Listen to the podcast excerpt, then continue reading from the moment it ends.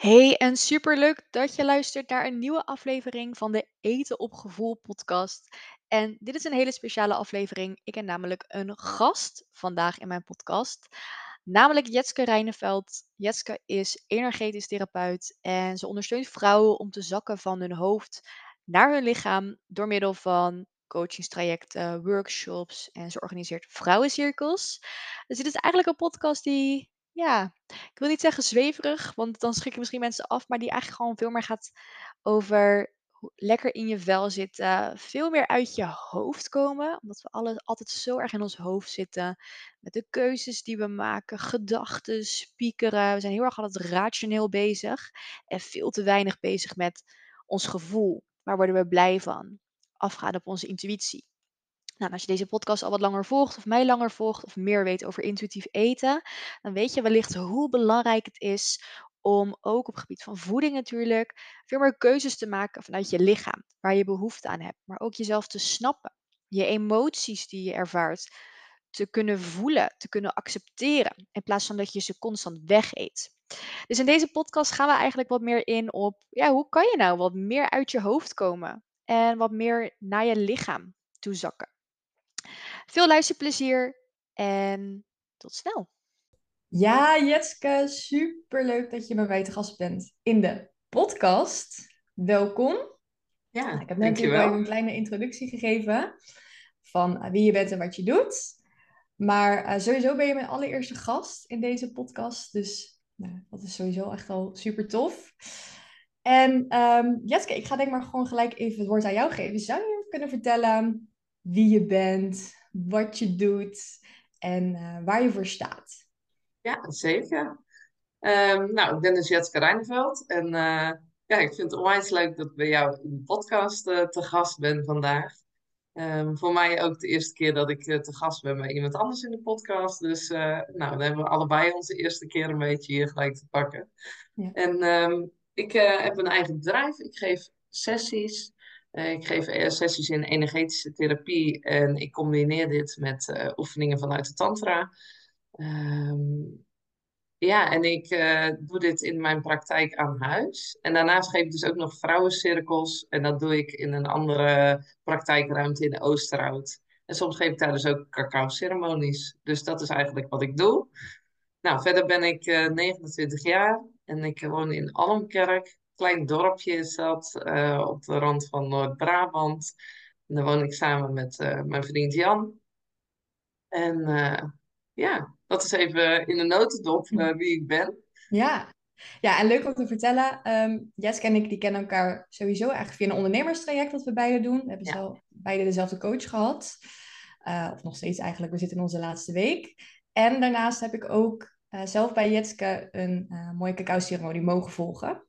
Ja. Dat was gisteren, als we deze podcast opnemen. Um, dus daar gaan we straks ook de deze podcast vast nog wel even wat meer over vertellen. Ja. en jij zegt, ja, ik doe iets met energetische therapie, tantra. Voor de mensen die geen idee hebben. Ja, Kun je daar wat meer over vertellen? Ja, zeker. Ja, misschien is het ook leuk om te vertellen inderdaad hoe dit een beetje op mijn pad is gekomen. Want daar is echt wel voorafgaand uh, een hele reis aan vooraf gegaan eigenlijk, voordat ik deze keuze heb gemaakt. Want het was niet dat ik een aantal jaren geleden dacht van, oh, dit ga ik eens doen uh, als werk. Helemaal niet zelfs. Um, ik heb altijd in het onderwijs gewerkt, in het basisonderwijs.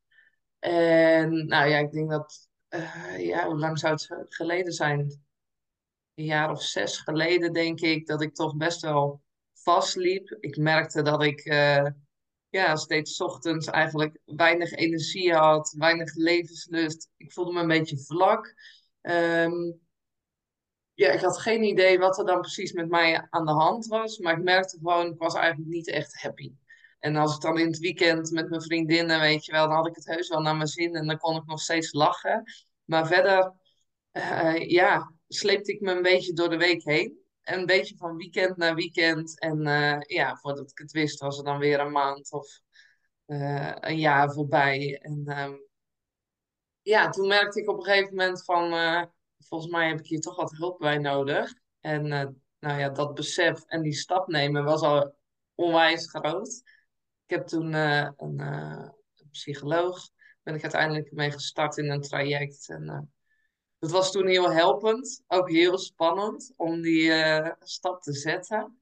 Um, en ik merkte tegelijkertijd dat ik toen ik daar uitkwam, dat ik ja, dat er echt wel wat deurs waren opengegaan, maar uh, dat ik ook nog niet helemaal verder kwam. En toen ben ik dus verder gaan zoeken en kwam ik eigenlijk bij een stukje alternatieve therapie. En ja, wat er bij mij heel erg nodig was, was echt de deur van mijn gevoel weer open te zetten. Want als puber beschreef ik mezelf bijvoorbeeld als echt uh, een nuchter persoon en een denker. En nou ja, voor de mensen die mij nu kennen, die zullen mij denk ik heel anders omschrijven. Ik ben juist heel erg gevoelsmens.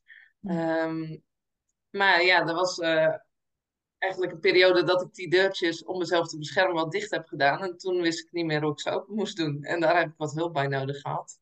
Nou, en toen kwam ik dus in de hoek van uh, ja, de alternatieve therapie. Dus meer de energetische therapie, uh, plantmedicijnen, alternatieve coaching. Ja, ik heb echt van alles gedaan. Mm -hmm. ja, cursussen meditatie heb ik gedaan. En uiteindelijk ben ik toen gerold in zelf een opleiding tot energetisch therapeut. Uh, en dat is heel breed, hè, energetische therapie. Um, dus om daar eenduidig op antwoord op te geven wat het precies is, dat is niet heel makkelijk. Ja, ja want je hebt bijvoorbeeld uh, wat ik onder andere ook zelf gaandeweg heb mogen leren, is bijvoorbeeld healings geven, uh, waarbij je echt eigenlijk de energie in uh, gang brengt met je handen, dus eventuele blokkades dan op kan heffen. Maar de opleiding die ik heb gevolgd is nijntherapie. En dan mhm. werk je met een biotensor. Dus daar werk ik dan, dan geef ik af en toe ook sessies mee. En um, Waar bij nijtherapie over gaat, is dat ze eigenlijk zeggen elke fysieke of mentale klacht zit vaak een emotionele oorsprong onder. Dus iets wat eigenlijk blokkeert, wat vastzit. En met die biotensor kunnen we dan eigenlijk in jouw energieveld meten. Dat is net als, weet je wel, als jij wifi, dan zendt hij ook eigenlijk golven uit. En de radio vinden we ook heel normaal als we daar naar luisteren. Het zijn eigenlijk dezelfde energiegolven die zich om ons heen bevinden. En die biotensor die meet die golven. En als jij dan iets zegt wat klopt voor jou, dan, nou, dan floot alles gewoon heel uh, natuurlijk als het ware. En dan reageert hij daar ook positief op. En op het moment dat je iets zegt wat eigenlijk niet klopt voor jou, dan is er een kort stressmoment. Dus een voorbeeldvraag zou zijn, stel dat ik aan jou vraag van, uh, zit je lekker in je vel? En met je hoofd kan je bijvoorbeeld wel bedenken van, nou ja, volgens mij wel, want er is niks mis met mij, weet je wel. Ik heb alles op orde, ik heb een baan, een, relatie. Ja. En toch zit er onder dat water nog iets wat, uh, wat wringt, waardoor je eigenlijk je helemaal niet zo prettig voelt. Nou, daar reageert die biotensor dus op, want die uh, werkt eigenlijk samen met dat stukje onderbewustzijn. Ja. Um, en dat is een super mooie manier om gelijk tot de kern te komen eigenlijk van, uh, ja, van jouw klacht op dat moment. Ja, en dus zo kwam ik dus met die energetische therapie. Dus dat was echt wow, een wereld die open ging en uh, super helpend ook. Mm -hmm. Wat heeft dat met jou gedaan? Dat heeft um, echt met mij gedaan dat ik bepaalde dingen kon opruimen, die mij dus nog in de weg zaten om weer meer bij mijn gevoel te komen.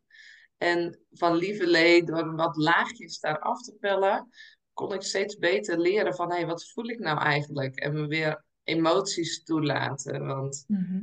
ja, dat was al eigenlijk een uh, best flinke stap op zich om gewoon weer toe te laten om verdrietig te zijn. Of om, uh, ja. En op het moment dat je dat kan toelaten, dan kan je natuurlijk ook weer die blijdschap toelaten. Dus tegelijkertijd merkte ik daarbij van hey, alles wat ik hierin doe, zorgde er ook voor dat ik me echt een stuk lichter voelde en weer blijer en energieker tegelijkertijd. Ja. Dus dat heeft me echt heel sterk opgeleverd. Ehm, en elke keer had ik ook het gevoel dat ik steeds iets meer bij mezelf kwam. Dus ik had ja, best wel een beetje een soort panzer om mij heen. Mm En um, en misschien af en toe ook wel een beetje masker. In de zin van, hè, ik wilde het altijd graag heel erg goed doen. En was heel erg bezig met wat de ander van mij vond. En uh, gaandeweg liet ik dat steeds een beetje meer loslaten. Omdat ik ja, mezelf daarin meer op nummer 1 ging zetten. En ik merkte dat dat helemaal niet egoïstisch is. dat het juist alleen maar een positief effect heeft op de mensen om je heen. Ze weten ook beter wat ze aan jou hebben. En uh, ja, dus dat was heel fijn. En er gingen heel veel deuren open naar iets groters dan mijzelf, zeg maar. Noem het dan een universum of iets spirituelers of iets waar ik niet altijd bij kon, maar wat ik op een gegeven moment wel kon voelen dat het er wel was. Um, ja, dus dat ja, zie ik nog steeds als super waardevol. En toch merkte ik op een gegeven moment van, hé, hey, ik ben toch nog snel overprikkeld. Ik zit nog onwijs veel in mijn hoofd. Um, ja, ik voel me toch nog, als ik alleen ben, dan voel ik me wel ontspannen en kan ik helemaal in die soort zenstaat in meditatie of zo. Of, uh, en op het moment dat ik dan weer ging werken of met anderen in aanraking uh, kwam, dan merkte ik dat ik heel snel er weer een soort ja, getriggerd werd. Of me weer onrustig voelde of druk in mijn hoofd. En uh, ja, toen kwam eigenlijk dat stukje tantra. En ja, misschien is het wel goed voor de luisteraar om even kort te vertellen. Want ja, dat zou een, een reeks afleveringen op zich zijn om te vertellen wat tantra precies is. En hetzelfde geldt natuurlijk voor energetische therapie. Maar um, ja, tantra gaat dus ook heel erg over voelen. Uh, sommige mensen denken dat tantra over seks gaat. Die misvatting had ik eerst ook. Dat is eigenlijk wat je dan vaak hoort. Um, maar tantra gaat juist heel erg over de verbinding maken met jezelf. Dus weer terug in je lichaam zakken. Uh, het gaat over verbinding maken met jouw levensenergie, die eigenlijk in jouw lichaam opgeslagen zit. Nou, en dat is ook wel ergens je seksuele energie. Uh, het gaat over die levensenergie die bijvoorbeeld ook in planten of in dieren of in bloemen, die we overal terugzien als het ware. Um, om daar weer mee in contact te komen. En ja. dat kan je dus doen door lichaamsgerichte oefeningen. Er zijn allerlei manieren voor om dat te doen eigenlijk. Ja. Um, ja, dat heeft gewoon voor, bij mij in ieder geval voor gezorgd dat ik eigenlijk nog meer ben gezakt in mijn lichaam. Uh, en dat heeft dus ook voor gezorgd dat ik dingen daar nog heb moeten opruimen. Maar daarbij kwam wel tegelijkertijd een soort kracht vrij. Dat ik meer voelde van, hé, hey, ik sta steviger. Voorheen kon ik echt wel één of twee keer dat ik echt wel overprikkeld thuis kwam. En dat resulteerde bij mij dan vaak dat ik dan een huilbui had en dan was het over. Maar uh, ja, en dat is eigenlijk over. Omdat voor mijn gevoel die energie niet zoveel meer bij mijn hoofd blijft hangen eigenlijk als het ware. Maar veel mm -hmm. meer in mijn lichaam zit. Waardoor ik ook die prikkels beter kan loslaten. Ja, mooi. Ja, dus dat, uh, dat samen, die combi, dat ja, is voor mij een soort essentiële combi. Eigenlijk een beetje dat, dat aardse stuk van echt in je lijf zijn, in contact met je gevoel en je kracht. En dat meer misschien wat spirituele stuk voor sommigen. Hè? Terwijl je dat mm -hmm. ook wel weer. Uh, terwijl dat echt niet altijd hoeft te zijn. Maar om die samen te brengen is voor mij echt een hele krachtige kern eigenlijk. Ja. ja. En dat is ook een van de redenen, denk ik, dat wij, um, ook toen wij elkaar leerden kennen en hetzelfde ondernemerstraject starten, um, wij zijn beide eigenlijk heel erg bezig met veel meer uit je hoofd komen en veel meer naar je lichaam, in je lichaam zakken. Jij zegt altijd heel mooi in zakken in je lijf en dat resoneert altijd heel erg bij mij. Um, waarbij ik voornamelijk focus op eten vanuit je gevoel in plaats van constant vanuit je hoofd uh, pak jij hem eigenlijk nog veel breder. Gewoon leven vanuit je gevoel, wat, waar ik het helemaal mee eens ben. En merk dat. Um, ik vind het zo interessant dat jij dat zo vertelt. Van, ik merk gewoon dat als ik uit mijn hoofd kom en veel meer richting in mijn lijf ga zakken en dingen ga doen op gevoel, dan dat ik me daar veel prettiger bij voel. En ik denk dat heel veel mensen heel veel in hun hoofd zitten en veel te weinig Mm. in hun lichaam. Ja. Maar waarom hebben, we, waarom hebben we daar zo moeite mee? Heb je daar een idee? Waarom zitten we allemaal zo ontzettend in ons hoofd? En Ja. zitten, we, zitten we veel te weinig op ons gevoel? Ja, dat is echt, dat klopt helemaal wat je zegt. Hè. Ik denk dat heel veel luisteraars dit ook wel herkennen en dat we soms ook het gewoon normaal vinden. Maar ja, dat hoort er toch eigenlijk gewoon bij. En dat hoeft dus niet zo te zijn. En wat jij vraagt van hey, wat zou daar nou de oorzaak van zijn? Ik denk dat dat meerdere uh, oorzaken kan hebben. We Mhm. leven natuurlijk in een maatschappij die ontzettend snel gaat en druk is met veel prikkels. En er wordt veel van ons gevraagd. Tegenwoordig heeft ook iedereen het druk, hè? Ik denk dat dat ook veel zo is. Uh, We hebben soms of een gezin en we hebben ons werk en we hebben... Ja, alles gaat continu door en alles staat continu aan. En er wordt ook wel verwacht van jou dat je veel aanstaat. Ehm, dus op het moment dat je weinig rust en ontspanningen hebt, uh, want rust en ontspanning kunnen namelijk heel erg bijdragen om ook weer te zakken in je lichaam. Op het moment dat je steeds door blijft gaan, kan het echt resulteren dat je in je bed ook nog ligt met continu gedachten en dat het steeds doorgaat. Mhm. Een andere oorzaak zou dus kunnen zijn dat er dus onverwerkte emoties of trauma. Trauma klinkt zwaar, maar eigenlijk zijn die onverwerkte emoties eigenlijk al soort kleine trauma's. Die uh, worden opgeslagen in het lichaam, omdat we op een bepaald moment er even, hè, we waren er niet klaar voor. Nou, het lichaam slaat ons op, het lichaam is superwijs. Uh, daar mogen we het heel dankbaar voor zijn. Alleen dan kan het op een later moment ons tegenwerken. En wat er dan gebeurt als we daarin getriggerd worden, in zo'n oude emotie, we, we, willen daar nog niet naar kijken, dan schieten we eigenlijk ook omhoog naar ons hoofd. Dus als je veel in je hoofd schiet, kan dat ook een, een teken zijn eigenlijk van hey, dat er triggers zijn in jouw lichaam die uit de hele tijd aangeraakt worden. Mhm. Waardoor de enige veilige plek soms nog op een gegeven moment is in jouw hoofd. Mm. En dan, een, dat zou je bijvoorbeeld kunnen herkennen dat op het moment dat je alleen bent of in stilte, dat je daar onwijs ongemakkelijk bij voelt. Mhm. Dat je jezelf bijvoorbeeld steeds afleidt. En misschien is dat alleen al doordat als je alleen bent, dat je dan continu de tv aan wil hebben. Mhm. Om, om gewoon een prikkel te hebben, zodat je niet. Want in stilte en in even niks gaan we voelen. Ja. En dus dat zou, ehm, dat zou ook zeker een oorzaak kunnen zijn. Ja. Ik denk dat Ehm, heel veel mensen zich daarin herkennen. Dat we gewoon Ja. constant eigenlijk prikkels van buitenaf nodig hebben. Omdat Ja. we gewoon niet eigenlijk met onze eigen gedachten Ja. willen zijn, durven zijn.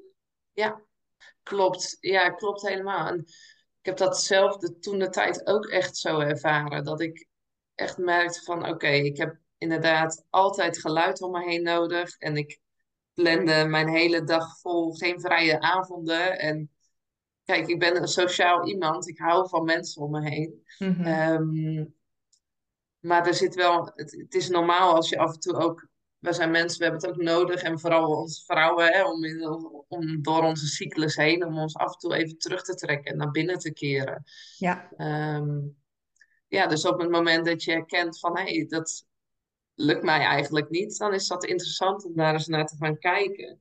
En Ja. weet dat het ook heel normaal en heel herkenbaar is. En vooral, ja, wat ik denk, wat ik ook denk dat meespeelt, is dat wij nu in een tijd leven dat we best wel snel gaan in het proces van zelfontwikkeling, het proces van bewustwording. Er zijn in één keer veel meer mensen bezig met bewustwording. Ehm, wat eigenlijk voor, onze, voor de generatie voor ons veel minder gangbaar was, wordt het nu allemaal veel normaler en bespreekbaarder. Mhm. Maar dat betekent ook eh, dat we soms dingen bij ons dragen die dus niet van ons zijn, maar of van onze ouders of hè, nog iets verder terug bijvoorbeeld. Ehm, en dan kan ook dat wij daardoor soms wat zwaardere last bij ons dragen, omdat onze ouders het hè, niet lukt om het aan te kijken en wij dragen dat wel bij ons. Dus dat kan ook allemaal meespelen. Ja. Ja. Ja, dat is super interessant. Ik heb ook inderdaad wel eens gehoord dat het dan eigenlijk dus vanuit je verleden of vanuit je voorouders, dus dat kan een over, over, over, over, over groot opa of iets dergelijks zijn. Ja. Eigenlijk bepaalde angsten of een, een traumatische gebeurtenis die iemand heeft meegemaakt, dat dat ja, een soort opgeslagen kan worden, denk ik, in de cellen. Klopt dat ook? Ja. Ja, dat is wel interessant, want ik, ze hebben dus zo'n, ehm, ze hebben dus daar een onderzoek naar gedaan. Dat hebben ze Mhm. dan met ratten, geloof ik, gedaan. Mhm. En ik dacht dat het met de, nou, het, zou in detail misschien anders kunnen zijn, maar ik dacht met de geur van lavendel. Mhm. En dat ze toen die ratten steeds een soort schokje of iets toedienden, waardoor ze een soort, eh, ja, een angst ontwikkelden bij, gerelateerd met die lavendel. En pas later eigenlijk, daarna hebben ze ervoor gezorgd dat die uh, ratten uh, zwanger werden, kleintjes kregen. En wat bleek, dat die kleintjes, die niks met die lavendel te maken hadden of met niks met die pijnprikkel, maar op het moment dat die wel daarmee in contact werden gebracht, dat die exact hetzelfde reageerden als gewoon uh, de rat waarmee dat experiment begon. En dat dat doorging tot zeven generaties, zeg maar. En daarmee hebben ze eigenlijk aangetoond van hey, dat trauma slaat zich op in de cellen. Nou, wij bestaan uit cellen. Ehm, en op het moment dat iets dus niet verwerkt wordt, dan gaan eigenlijk een beetje die belaste cellen gaan gewoon mee met de baby die uh, daarna geboren wordt. Ja. En op het moment dat je dus uh, dingen opruimt, dan als het ware laat die cellen ook een bepaalde emotie los, zeg maar. En je cellen kunnen zich gewoon weer vernieuwen. Dus dit is uh, ook weer goed om te weten van, hé, hey, dat is juist ook weer je cellen kunnen zich vernieuwen en op het moment dat je dingen dan weer oplost, dan ruimt dat zich op en dan ben je dat ook weer kwijt. Ja. Maar ik vond dat een heel mooi voorbeeld van dat experiment, dat ik dacht, ja, zo, uh, en zo heb ik het zelf ook ervaren, dat dat inderdaad zo werkt. Ja, dus eigenlijk Is, zijn bepaalde angsten ook gewoon erfelijk in dat ja. opzicht. Ja, zo kan je dat zeker zien, ja. Ja. ja. En ik kan me nu voorstellen als je dit luistert en dan denk je, ja, dus het ligt niet eens altijd aan. Uh, kijk, ik kijk natuurlijk heel vaak terug naar onze jeugd of wat we uh, op bepaalde momenten hebben meegemaakt in ons leven. Dat ons misschien bepaalde angsten of, of nou, heel erg beïnvloedt hoe we worden als mens. Maar dan hoor je nu dus eigenlijk van ja, het kan ook nog je over, over, overgroot over zijn die ooit uh, iets traumatisch heeft meegemaakt. Ja. Is het. Um, ik kan me voorstellen dat je dan denkt, ja, moet ik dat nu allemaal, moet onze generatie ja. dat nu allemaal gaan opruimen? Ja, dat... Zegt, nu komt er steeds meer aandacht voor. Um, wat zou je willen zeggen tegen iemand die denkt, ja, hallo, moet ik nu alles ineens gaan opruimen? Ja. Moet ik uh, één keer in de week, elke week een sessie doen om dit allemaal te doen? Ja, dan zou ik zeker willen zeggen dat dat echt helemaal niet hoeft. En uh, dat het ook helemaal niet gaat over op zoek gaan naar dingen. Want Hmm. Als je op zoek gaat naar, oh, wat is er bij ons allemaal misgegaan en wat is er misgegaan in mijn jeugd en misschien bij mijn ouders en uh, wie dan ook, dan wordt dat een soort eindeloze zoektocht. Mm-hmm. En dat is een zoektocht die jou alles behalve geluk gaat brengen. Um, want er is altijd wel iets te vinden. Dus Ja. mijn advies zou zijn, het moment dat jij merkt van je doet je dagelijkse dingen, eh, eh, of in je relaties om je heen en je loopt ergens tegenaan waar je last van hebt en je wil daar iets mee, dat je dan op dat moment da- daar iets mee gaat doen. Ja. En alle andere dingen zijn bijzaak.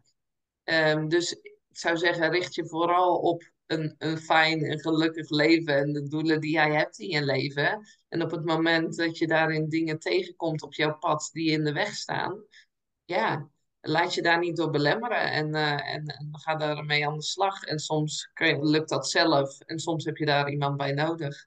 Mhm. Maar eh, nee, zie het zeker niet als een, eh, dat jouw leven je bedoeld is om alles op te ruimen wat er ooit is ontstaan. Want dan ben je tot aan je dood bezig, denk ik. Ja, ja. Ja. Soms is het natuurlijk, heb ik het gevoel, en ik hoor dit ook wel eens mensen om me heen zeggen, dat onze denk ik, generatie heel erg bezig is met wij, we moeten constant onszelf blijven ontwikkelen. En elk trauma, elke angst, alles wat we hebben, moet, eh, moeten we aanpakken of moeten we genezen. Of... Het is bijna een soort verslavend, denk ik, ook om constant het gevoel te hebben van ik heb, er is nog een betere versie van mezelf, Ja. er is nog een betere versie van mezelf. Ja. Dus wel, ik ben wel blij te horen dat je zegt, ja, dat gaat ook niet. Het is een eindeloze strijd die je eigenlijk met jezelf Ja, aangaat, waardoor je misschien helemaal niet meer bezig bent met lekker in het moment ook kunnen leven. Ja, wat jij noemt ook, dan denk ik dat daar ook weer iets anders onder zit. Want dan ben je jezelf continu aan het fixen eigenlijk, als het ware. Ehm, dus daar zit eigenlijk ja, een stuk gebrek aan zelfliefde of zelfacceptatie onder. Dus dan is dat wat je juist mag omarmen van, hey, ik ben echt... Je, want dat is ook zo. Wie er ook nu zit te luisteren, je bent echt perfect zoals je nu op dit moment bent. En er, er hoeft echt helemaal niks aan jou te veranderen. Als je blijft zoals je bent, is het ook oké. Mhm. Wij als mensen willen vaak gewoon groeien. En dat is helemaal oké. Je mag wel ergens naartoe bewe- bewegen. Ja. Maar wel van altijd vanuit een plek van, hé, hey, ik ben wel goed zoals ik nu ben. En Ja. ik wil tegelijkertijd ook groeien. Ja, dat is mooi. Ja. Als je dat Mooi. samen kunt pakken. Ja. En hoe, hoe bepaal je die grens voor jezelf? Wanneer maak je voor jezelf de beslissing van oké, ik wil misschien wat meer aan mezelf gaan werken op een bepaald vlak? En wanneer is het oké zoals je bent?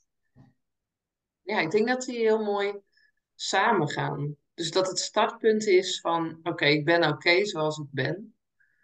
Eh, en als je daar eenmaal in kunt zijn, van hey, ik ben oké zoals ik ben, Mhm. dan wil je soms gewoon verder groeien vanuit een gevoel van inspiratie of eh, een gevoel van vreugde, omdat, omdat je geniet van jezelf ontwikkelen of jezelf te laten groeien. En jezelf ontwikkelen hoeft niet altijd te zijn van, oh, ik moet van alles helen. Ehm, want dat kan inderdaad, dat klinkt ook best wel zwaar, maar jezelf ontwikkelen kan ook zijn, eh, ik ga ze een spannende stap zetten.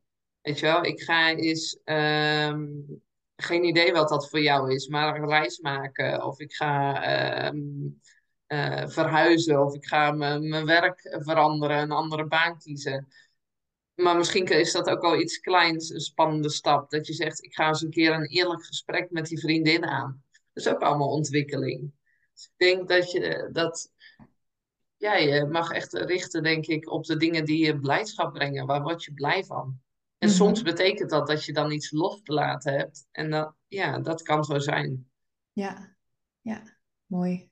Ja, Hey, en ik denk waar veel mensen, ook de mensen waarmee ik vaak werk of eh, mijn doelgroep, zitten heel vaak inderdaad nog, nog in dat ze ergens wel die, inderdaad die emoties ergens eh, voelen, of dat ze zich niet lekker in hun vel voelen, of dat er misschien inderdaad iets van, iets van vroeger of iets van angsten zit, waar ze heel erg mee bezig zijn. En ik merk vaak, in ieder geval bij mijn klanten ook, dat een manier om natuurlijk met die emoties om te kunnen gaan, om ze te ontwijken, waar we het ook net over hadden, eh, is dat stukje eten. Het Ja. stukje eten uit emotie, eten om je gevoelens eigenlijk te, te onderdrukken. Eh, ben zelf ook, voordat ik heel erg bezig ging met intuïtief eten, was ik ook echt een zieke emotieeter. Voornamelijk eigenlijk bij stress, dat was mijn grootste, grootste trigger. Nou weet ik van mezelf ook, ik heb dus ook heel veel moeite om echt bij mijn emoties te komen. Ik ben een, enerzijds is eigenlijk mijn gevoel is mijn sterkste zintuig. Maar ik ben ook heel goed in het weglopen van mijn emoties en heel erg dus in mijn hoofd zitten. Ehm, hoe is dat voor jou geweest? Van, als je bijvoorbeeld even kijkt naar ehm, bijvoorbeeld je eetgedrag, van toen je heel erg in je hoofd zat, naar dat je eigenlijk veel meer vanuit je gevoel bent gaan leven. Heeft dat voor jou nog bijvoorbeeld een verschil gemaakt? ja onwijs. Ja. ja, het is heel herkenbaar. En ehm, misschien is het goed om te weten voor de luisteraar. Ik heb eigenlijk sinds mijn 14e, 15e al jarenlange eh, struggles gehad met eten. En dat resulteerde zich in eigenlijk bijvoorbeeld mezelf onthouden van eten. Dus niet eten of overmatig sporten. Het gevolg daarvan waren dan weer eetbuien. Eh, mezelf heel veel regels opleggen. Ehm, en ik ben daar altijd heel druk mee bezig geweest. Eh, met als ik dat eten, als ik dat maar goed krijg, dan ben ik gelukkig. En ook alles wat ik deed in de therapie en zo, altijd dat een beetje, dat hing toch een beetje als een donkere wolk boven mijn hoofd. Ehm, terwijl ik nu kan zien van, hey, dat hing aan het oppervlak, maar daar ging het eigenlijk niet om. Er zaten hele andere dingen onder, waarvan eentje inderdaad was om weer te gaan voelen. Eh, want omdat ik, ja, ik kon eigenlijk niet meer bij mijn gevoel komen. En toch gebeurden er overdag dingen die onprettig voor mij voelden. Alleen ik wist daar dan geen raad mee. En mijn, eh, ja, wat ik dan deed was dus gaan overeten. Dus dan Mhm. had ik eetbuien inderdaad, eh, als me onprettig voelde. Ehm, en ja, jij vroeg ook, hè? Mijn reis is dus meer vanuit mijn hoofd weer naar mijn gevoel. Nou, ik ben dus Ja. zelf op een gegeven moment ook een intuïtief eten eh, traject ingestapt. En ja, dit heeft mij zo onwijs geholpen.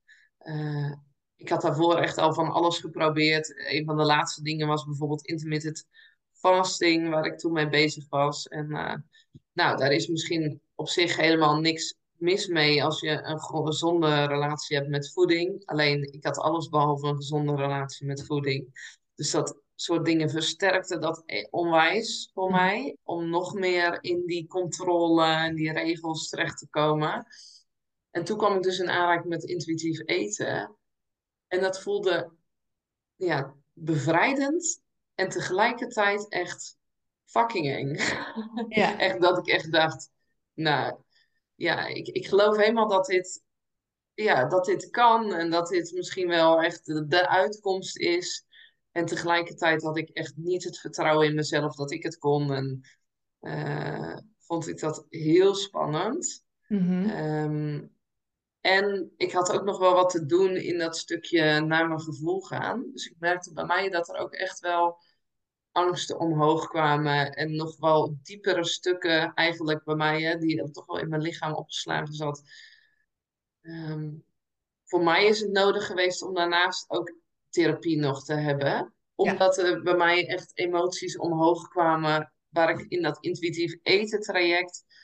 Uh, niet zoveel mee kon. Want daarin leerde ik zeg maar hele andere dingen. Ik leerde echt wel weer om dat toe te staan. Alleen ik wist nog niet hoe. Dus ik wist wel vanuit mijn hoofd van, oh, die emoties en die zorgen er nu voor dat ik dan ga eten. Dat kon ik dan vaak wel zien. Mhm. Alleen, ja, ik wist dan niet hoe ik daarmee om moest gaan. Uh, ja, dus dat is voor mij in ieder geval nodig geweest. Ik denk dat daar heel veel verschil in zit. Hè? Voor de een is dan misschien nodig inderdaad om daar nog therapie, wat bij mij dan zo was. En voor een ander eh, is bijvoorbeeld bij jou zo'n uh, traject al helemaal voldoende? Of is het lezen van het boek al voldoende? Ik denk dat daar zoveel verschil in zit. Absoluut. Ja, ja. En goed om te horen ook dat um, het kan elkaar versterken. Hè? Het stukje intuïtief eten, eigenlijk dus nou, eten op gevoel, om het even heel praktisch uh, makkelijk te zeggen. Ja. Maar ook gewoon een stukje inderdaad nog dieper werken aan uh, je mentale gezondheid. Kan zijn door middel van psycholoog of welke manier dan ook. Hè, door echt nog wat meer het verleden in te duiken. Het kan elkaar juist zo versterken. Ja. Uh, ik heb ook tijdens, deze, tijdens dat, mijn reis naar richting intuïtief eten ook meerdere sessies gehad met een psycholoog. Omdat ik gewoon wist dat er... Um, het feit dat ik wilde afvallen, dat ik zo erg bezig was met uh, ergens de controle overhouden ook uiteindelijk. kwam zo erg ook uit mijn verleden. En pas als je, uh, voor mij in ieder geval was het zo, pas als ik dat begreep bij mezelf en dat wat meer kon omarmen, dat stuk, en daarom kon werken en dat achter me kon laten, dan was er ook veel meer ruimte weer om, ja, wat je net ook denk ik wel mooi zei, een stukje liefde voor jezelf. Ja, en zeker. vanuit die intentie werken aan je gezondheid, goed voor je lichaam zorgen, goed voor je mentale gezondheid zorgen. Ja. Ehm, dus ik denk ook, zoiets gaat heel erg hand in hand. En ik denk bij de een, ja. wat ik ook merk bij mijn klanten, is soms zijn we ons daar helemaal niet van bewust dat daar nog een stukje zit waar we eigenlijk ook aan moeten werken. En komt dat pas naar voren als we met een uh, traject bijvoorbeeld bezig zijn. Maar ik heb ook, uh, ik heb ook wel eens een klant gehad waarvan ik heb gezegd, hey, we zijn super goed bezig met het stukje intuïtief eten. Maar ik ben niet de psycholoog die jou kan helpen met trauma's uit je verleden. En zolang die ergens nog wringen, zolang er nog wat zit, waardoor jij bepaalde emoties, bepaalde situaties lastig vindt, waardoor je heel erg dan de neiging hebt te gaan eten. Dus ik denk super belangrijk om die oorzaak aan ja, te zeker. pakken ook. Ja. ja, en heel mooi inderdaad dat jij dat dan ook eh, benoemt. Want ik denk dat dat iemand dat heel erg hard nodig heeft. En soms hebben ze dat nodig om van jou bijvoorbeeld te horen. En ehm, ja, ik merkte zelf bijvoorbeeld dat er bij mij nog steeds heel veel schuldgevoel omhoog kwam. En echt een soort diepe onzekerheid ook over, ja, die eigenlijk op van alles aanhaakt. Hè? Over mijn lichaam, mhm. hoe ik eruit zag, maar ook gewoon over wie ik was. En, ehm, ja, en inderdaad hoor ik jou ook zeggen, hè? een stukje controle, een stukje angst. En wat eigenlijk zo diep zat dat ik dat in dat traject nog niet uh, kon loshalen eigenlijk. Maar ja, het heeft mij ook zoveel soort inzichten gegeven in um, de manier waarop ik had. Ik was dan het type, zeg maar, uh, weet je, eerder orthorexia. Dus uh, extreem gezond willen eten, alles super gezond willen doen. Alleen daar eigenlijk best wel een gebrek aan kennis over had. Terwijl ik dacht dat ik heel veel wist van wat allemaal gezonde producten en alles waren. Mhm. um, maar ik had dan bijvoorbeeld als avondeten allemaal gewokte groenten of zo. En dan had ik helemaal geen koolhydraten of wat dan ook. En vanuit daaruit kreeg ik dan ook weer eetbuien. Dus dat stukje, dat inzicht van hé, hey, je hebt eh, vetten en eiwitten en koolhydraten wel nodig, anders gaat je lichaam erom schreeuwen als het ware. Dat Ja. hielp al onwijs om, eh, om daar stappen in te zetten. Ja. En wat het mij nu dus uiteindelijk heeft opgeleverd, is echt zoveel meer vrijheid. Echt zo'n gevoel van vrijheid nu. En dat stukje van mijn gevoel en dat intuïtief eten, dat ik gewoon kan genieten ja, van alles wat ik eet. En dat Mhm. ik daar oké mee kan zijn zonder dat schuldgevoel dat aanwezig is.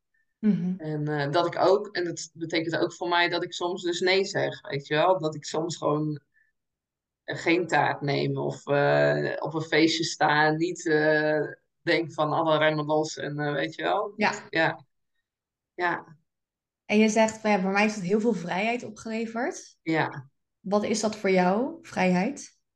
Ja, dat is echt het allerbelangrijkste voor mij, denk ik. Dat is echt iets wat ik steeds bewuster van word. Dat vrijheid is, ja, voor mij is dat ook een gevoel. Ik zou het bijna voor je uit kunnen beelden, weet je wel. En dan kan ik je Mhm. daarin meenemen, maar in woorden kan ik dat gewoon bijna niet uitdrukken wat dat voor me is. Maar ik, ik ga het wel proberen. Het is in ieder geval, het is me heel licht voelen. Vrijheid betekent dat ik gewoon echt mag zijn wie ik ben, zonder masker, zonder dat ik iets hoef weg te houden. Gewoon vanuit een soort ja, spontaniteit kan leven of zo. En me ook ja, letterlijk en figuurlijk licht voel. Me vrij voelen in mijn lichaam, wat ik dus heel lang niet gehad heb. Mijn lichaam voelde altijd zwaar, ongemakkelijk, onprettig. Terwijl ik dus nooit zwaar ben geweest.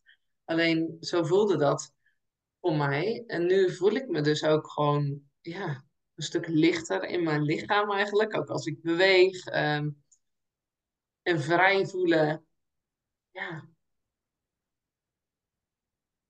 Ja, dat is, ja, het is eigenlijk alles wie ik ben of zo. Ja, zo voelt dat. Klinkt misschien een beetje vaag. Ik weet niet hoe het klinkt, maar ehm, het is voor mij wel echt iets dat heel belangrijk is. Het, het betekent ook dat ik kan doen wat ik wil doen. De keuzes kan maken. Eh, en ik denk dat dat dan vooral gaat omdat ik mezelf niet belemmer. Dat ik gewoon mezelf toesta om ja, alles van mezelf te laten zien. En eh, ja, dat denk ik. Ja, mooi. Ja, hoe is dat voor jou? Hoe is vrijheid voor jou? Grappig, ik krijg altijd een soort beeld in mijn hoofd. Mhm. Voor een v- eh, als ik denk aan vrijheid, wat het voor mij is. Ik ga dan altijd een soort eh, fladderend door het leven als een vlinder, Ja. maar. Dan gewoon, ja, wat je ook een beetje denk ik wel beschrijft. Licht, Ja. lekker overal doorheen kunnen fladderen. En het af en toe inderdaad vast momenten hebben dat het even niet zo makkelijk gaat, natuurlijk. Maar dat gevoel, denk ik, gewoon fladderen Ja. door het leven. Dat is voor mij een soort van de beeldende betekenis van vrijheid. En zeker ook gewoon wat betreft eh, vrijheid rondom voeding ervaren. Dat je ook gewoon letterlijk overal fladderend heen kan gaan. Dat het niet uitmaakt eh, wat er ergens op tafel staat, wat we eten, wat, wat je wordt aangeboden, hoeveel calorieën ergens in zitten. Ja, Dat je je daar helemaal niet druk over hoeft te maken. Ja, En eh, dat je gewoon kunt genieten van het moment en in het moment kunt zijn. ja, En ik denk, ik ben dat pas meer ook eigenlijk gaan waarderen toen ik het een tijdje niet heb gehad. Mhm. Wat ik op dat moment eigenlijk niet door had, toen ik niet die vrijheid had van voeding. Want toen zat ik dus heel erg in, mijn, eh, in het strenge, eh, bepaalde regels voor mezelf. En daar ging ik heel goed op. Het is ook heel menselijk, hè, dat we gaan heel goed op Ja. regels, gidsen, stappenplannen. Mhm. vinden we heel fijn als mens zijn, die controle kunnen hebben. Ehm, maar ik merk pas weer wat, wat echte vrijheid is als je dat daarna weer terugkrijgt. Dan kan je die twee situaties veel beter met elkaar vergelijken. Ehm, en dan merk je ook dat je, ja, wat je zegt, lichter door het leven kan gaan. Veel meer plezier uit het leven kan halen. En ik geloof echt dat, eh, of het nou met eten is of gewoon überhaupt veel meer leven vanuit jouw flow, vanuit jouw eigen energie. Doen wat je leuk vindt, doen wat je, uh, waar je je prettig bij voelt. Ehm, dat dat zo enorm gewoon de kwaliteit van je leven ja. verbetert. Ja, zeker. Ja, daar is toch uiteindelijk waar het allemaal over gaat. Dat we inderdaad tijd overhouden voor de dingen waar we echt blij van worden. En dat we ons gelukkig en vrij voelen, inderdaad. Ja. En ehm, ja, voor mij is dat ook echt een stukje verbonden zijn met je intuïtie. En uh, die vertelt jou precies wat goed is voor jou. En ja, jij hebt natuurlijk ook een eigen onderneming en ik nu ook. En vrij voelen betekent ook dat je daarin gewoon een eigen pad kan gaan. En we zien in de maatschappij allemaal heel erg zo wat het, hè, zoals het eruit zou moeten zien. Of dat idee hebben we vaak. Mhm. En vrij voelen is denk ik ook dat je je daarvan vrij maakt. Dus dat je gewoon echt gaat voelen, oké, ik maak mijn eigen keuzes. En dat is helemaal oké. Ja. Uh, en dat ik dus durf te doen. Ik denk dat dat heel mooi is. Ja. ja. En zie je dan ook dat, het daar, dat dat belangrijk is om daardoor veel meer ook... Ja, dus te zakken in je lijf, hoe jij het altijd zo mooi zegt. Is dat hetgene wat daar belangrijk voor is? Ja, absoluut. Ja, dat ga je... Ja, ons hoofd is er niet overbodig. Het is Mhm. juist heel mooi. eh, kun je mooi inzetten voor echt als je even bijvoorbeeld een praktisch lijstje moet maken, hoeft zelfs niet helemaal. Maar ehm, of voor als je bezig bent met manifestatie en visualisatie. En, ehm, maar verder is het zo belangrijk om echt in ons lichaam te zakken. Om echt te weten van oké, wat wil ik? Eh, ja, eigenlijk alle antwoorden die je nodig hebt, die zitten daarin opgeslagen. En in ons hoofd, wat we doen, is eigenlijk alleen cirkeltjes draaien. Ja. En dan krijg je soms dat je gewoon verstrikt raakt in uh, gedachten. Of mensen die uh, moeilijke keuzes kunnen maken. Ja, die maken waarschijnlijk keuzes vanuit hun hoofd. En dan ga je nooit tot een, ja, dan ga je een keuze baseren op wat misschien voordelig of nadelig zou zijn. Ja. Um, Terwijl een keuze maak je eigenlijk vanuit je lichaam. Want jouw lichaam geeft intuïtief aan wat het beste voor je is. En dan weet je soms de uitkomst nog niet. Je hoofd weet het ook niet, maar die redeneert vaak op angsten. Mhm. Um, dus als je dat, uh, het scheelt je heel veel tijd en energie als je gewoon vanuit je lichaam meer kunt kiezen. Want hoeveel keuzes maken we wel niet op een dag? Ik geloof echt dat het er enorm veel zijn. Ja. Ja, zeker Ja. Ja. En wat wellicht ook wel interessant is voor, ik denk niet dat ik dit eerder in de podcast heb benoemd, maar er zijn ook superveel uh, onderzoeken um, die aantonen dat mensen die bijvoorbeeld dus ook heel erg intuïtief leven of intuïtief eten, uh, super goed zijn in het stukje mindfulness, in het moment kunnen zijn, op een, uh, hè, veel aan mediteren doen. Er zit ook zo'n, er zit een heel groot verband tussen echte intuïtieve eters bijvoorbeeld, de onderzoeken die ik dan voornamelijk lees, Mhm. en uh, hoe goed, hoeveel mensen aan mindfulness doen, of hoe goed mensen zijn in mindfulness. Dus, Ja. um, ja, ik denk dat mindfulness dan een soort, ehm, dat je dat niet eens bewust doet, maar dat is gewoon je staat van zijn of zo, je Ja. manier van leven. Ja. En ehm, bijvoorbeeld geef dan de vrouwencirkels ook, doe ik vanuit mijn intuïtie of de één op één sessies ook. En dat houdt dan eigenlijk in dat ik me niet van tevoren voorbereid, maar dat ik gewoon kijk van oké, wat ontstaat er in het moment? ja, Eh, en wat wil er gezien worden en daarop aanhaak. Ehm, en dat vraagt er eigenlijk van dat ik steeds, al zou ik in mijn hoofd willen gaan, dat ik mezelf weer terughaal.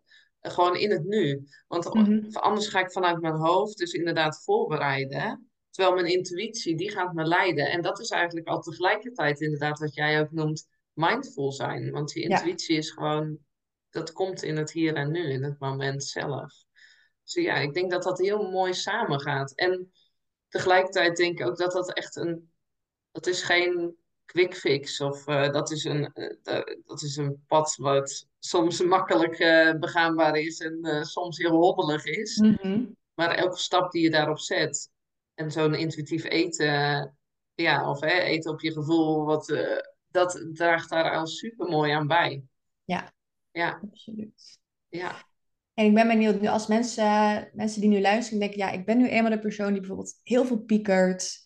Ik zit heel veel in mijn hoofd. Ik ben heel erg mijn eetkeuzes of gewoon überhaupt keuzes constant aan het maken met mijn hoofd. Heel erg aan het overdenken. Wat zouden ze kunnen doen? Misschien dagelijks of iets dergelijks om wat meer in, dus in hun lijf te zakken. Heb je daar tips voor? Ja, ja zeker. Ehm, ja, er zijn een paar dingen die daar eh, goed bij zijn. Want je hebt heel veel uh, tips die daar. Uh, ik zou een hele lijst van tips kunnen geven, maar misschien zijn een paar dingetjes wel goed om dan te doen. In ieder geval is het goed om soms even te bewegen. Als je merkt dat je echt veel in je hoofd zit. En je wil even kort even snel in je lichaam komen, is dat je je lichaam gewoon even helemaal uitschudt en een paar keer springt of stampt. Dan breng je eigenlijk letterlijk weer die energie terug naar beneden, uh, weer terug in je lichaam. Uh, sommigen vinden het fijn um, om bijvoorbeeld naar een ademhaling te gaan of te mediteren. Maar mijn idee is dat als je heel druk bent in je hoofd, dat je eigenlijk mediteren, dat is eigenlijk te rustig. Ja. Zeg maar, dan heb je eerst dat je het nodig hebt om weer in je lichaam te komen. Door, nou, bewegen kan dus heel erg helpen. En dan hoef je niet meteen te gaan sporten, weet je wel. Als je dat prettig vindt, vooral doen. Ehm, wat ook heel erg helpt, is aanraking. Dus dat kan zijn door een partner of een familielid. Maar als je alleen bent, een huisdier kan ook heel erg helpen. Even met je huisdier knuffelen. En als je dat niet hebt, dan raak je jezelf gewoon aan dan, en dat kan zijn dat je bijvoorbeeld zacht een beetje druk zet. Ja, ik ben het ondertussen aan het doen, maar dat je bijvoorbeeld zachtjes een beetje knijpt in je arm, een beetje druk zet op je benen, uh, je voeten een beetje masseert. Dan echt, je wil eigenlijk die energie steeds weer naar beneden brengen, naar in je lichaam, in je, naar je voeten toe. Dus dat zijn dingen die dan heel erg kunnen helpen. Lekker wandelen bijvoorbeeld. Uh, ook dat helpt heel erg om weer terug in je lichaam te komen.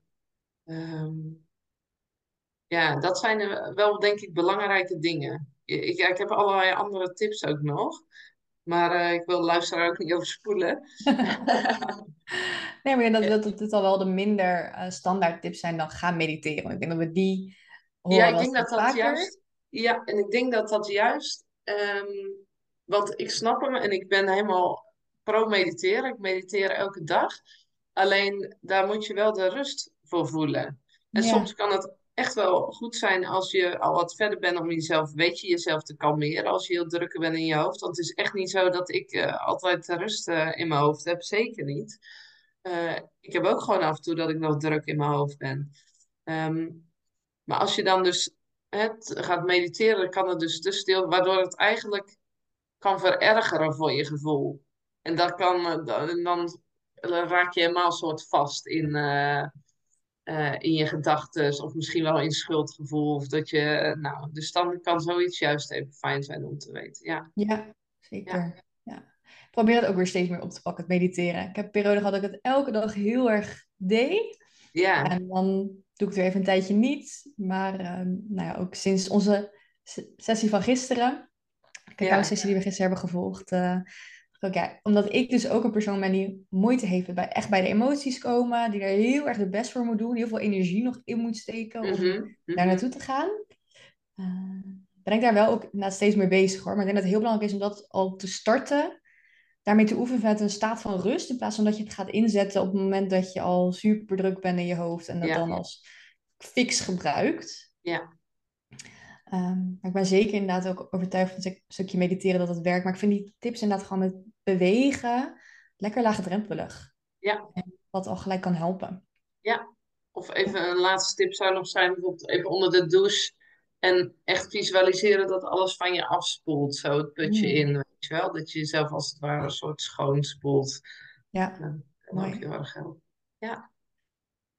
Heel tof. hey, en um, om het een beetje te gaan afsluiten. Stel mensen mhm. willen ja, meer van jou weten of ook veel meer gewoon uit hun hoofd, in hun lichaam zakken, daar veel meer mee bezig, meer, veel meer naar hun gevoel.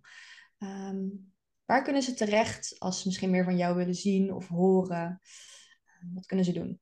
Ja, ja superleuk. Ik vind het heel leuk om je te verbinden en uh, te, te, connecten met elkaar. Um, ik heb ook een eigen podcast, de Life Changing Podcast. En dan live niet als in leven, maar gewoon je live. Ja, uh, lange ei. ja, de Russische lange ei, waar het eigenlijk, ja, het hoofdonderwerp is. Hè? Om weer van je hoofd terug te komen in je lichaam. Dus als je dat interessant vindt en je wil eens gewoon uh, wat meer tips, dan zou ik je aanraden om daar lekker mee te luisteren. Uh, of verder uh, op mijn Instagram, daar deel ik ook zeker het een en ander aan tips die je daar kunt krijgen. En verder geef ik dus die vrouwencirkels en cacao-ceremonies elke maand. dus ook via mijn Instagram kun je daar de, de kaartjes daarvoor vinden. En de één op één sessies en trajecten die ik geef. Nou, één op één sessies, dat is net als wat ik met jou heb gedaan. Dat is echt gericht op, ja, we doen dan voorafgaand een, uh, de cacao drinken. Die helpt heel erg om weer in het lichaam te komen. Um, en daarnaast doen we dus lichaamsgerichte oefeningen of visualisaties of meditaties. Dus net wat er eigenlijk ontstaat. En in die trajecten komt meer dat stukje naar voren wat ik zei. Dan zit er vaak een sessie met biotensor in. En dus ook een sessie met lichaamswerk. En uh, dat zijn dan meerdere sessies. Ja. Maar ja, dus als je me wilt volgen, de podcast en uh, mijn Instagram kun je me daarop vinden. Helemaal leuk. Ja. Superleuk, ja. Ik kan het ook zeker aanraden. Ik heb dus gisteren bij jou die sessie gevolgd. Cacao-ceremonie gedaan. Ik heb eerder ook, uh, niet bij jou, maar bij iemand anders, uh, zo'n biotensor sessie ook een keer gedaan. Mm -hmm, ook super mm -hmm. waardevol. Kijk, en ik ja. ben echt niet de meest zweverige persoon. Zeg maar, ik doe nu misschien wel af en toe wel eens een kaartje trekken of ik mediteer. En nou ja, ik geloof ergens in het universum. Nou, sommige mensen vinden het altijd al zweverig. Um, maar ik kan het ook echt oprecht aanraden voor mensen die misschien nog helemaal niet zo bekend zijn met Ja. uh, een beetje die spirituele kant of uh, visualisaties, meditaties. Als je ergens wil beginnen, is juist gewoon zo'n sessie veel makkelijker om te doen dan dat je zelf op de bank gaat zitten en maar denkt, oké, ik ga ergens op YouTube een meditatie opzoeken. Natuurlijk, dat is laagdrempelig. Maar zo'n, echt zo'n sessie volgen, zo ben ik ook ooit begonnen met mediteren, door echt sessies begeleide, geleide meditaties te volgen bij uh, meditatiecentra. Heeft mij pas echt doen inzien wat een verschil het kan maken. En hoe diep je kan gaan naar je eigen onderbewustzijn. Ja. En wat daar misschien soms nog voor ja, werk ligt, waar je, waar je aan mag werken. Ja. En door dat te doen merk ik ook gewoon steeds meer dat ik veel makkelijker kan eten op gevoel, leven op gevoel, keuzes Mhm. durf te maken in het leven die spannend zijn. Uh, dus dan kan ik echt zeker aanraden aan iedereen om ook met zoiets gewoon eens een keer te beginnen. Om Ja. het echt in één keer goed uh, aan te willen Ja, pakken. ja, Leuk. precies. Ja, nou mooi. Ja, hey, dan ehm, gaan we hem lekker afsluiten. ja, Ik wil jou enorm bedanken voor jouw uh, uh, uh, bijdrage aan deze podcast. Voor het fijne gesprek. Ik vond het super interessant om verder te horen wat je doet. Nogmaals, ik geloof 100% dat het hele zakken in je lijf super belangrijk is. Ook om een intuïtief eten te worden. Ik hoop dat mensen ook uh, vanuit die kant wat meer inzicht in hebben gekregen. Dat het al, niet alleen maar altijd het praktische is met eetregels, et cetera. Ja. Ja, ga, dankjewel. nog even uh, in, het, uh, in de show notes zetten. ja, een tekstje wat onder bij, de Spot, bij Spotify en Apple Podcast staat. Daar zou ik je natuurlijk even linken. Daar kunnen mensen ook nog kijken. En dan uh, nogmaals super bedankt om in deze podcast te gast te zijn. ja, jij bedankt. En eh, ik vond het heel waardevol en een fijn gesprek dat we samen hebben gehad. En, Vond ik ook. wel voor je tijd.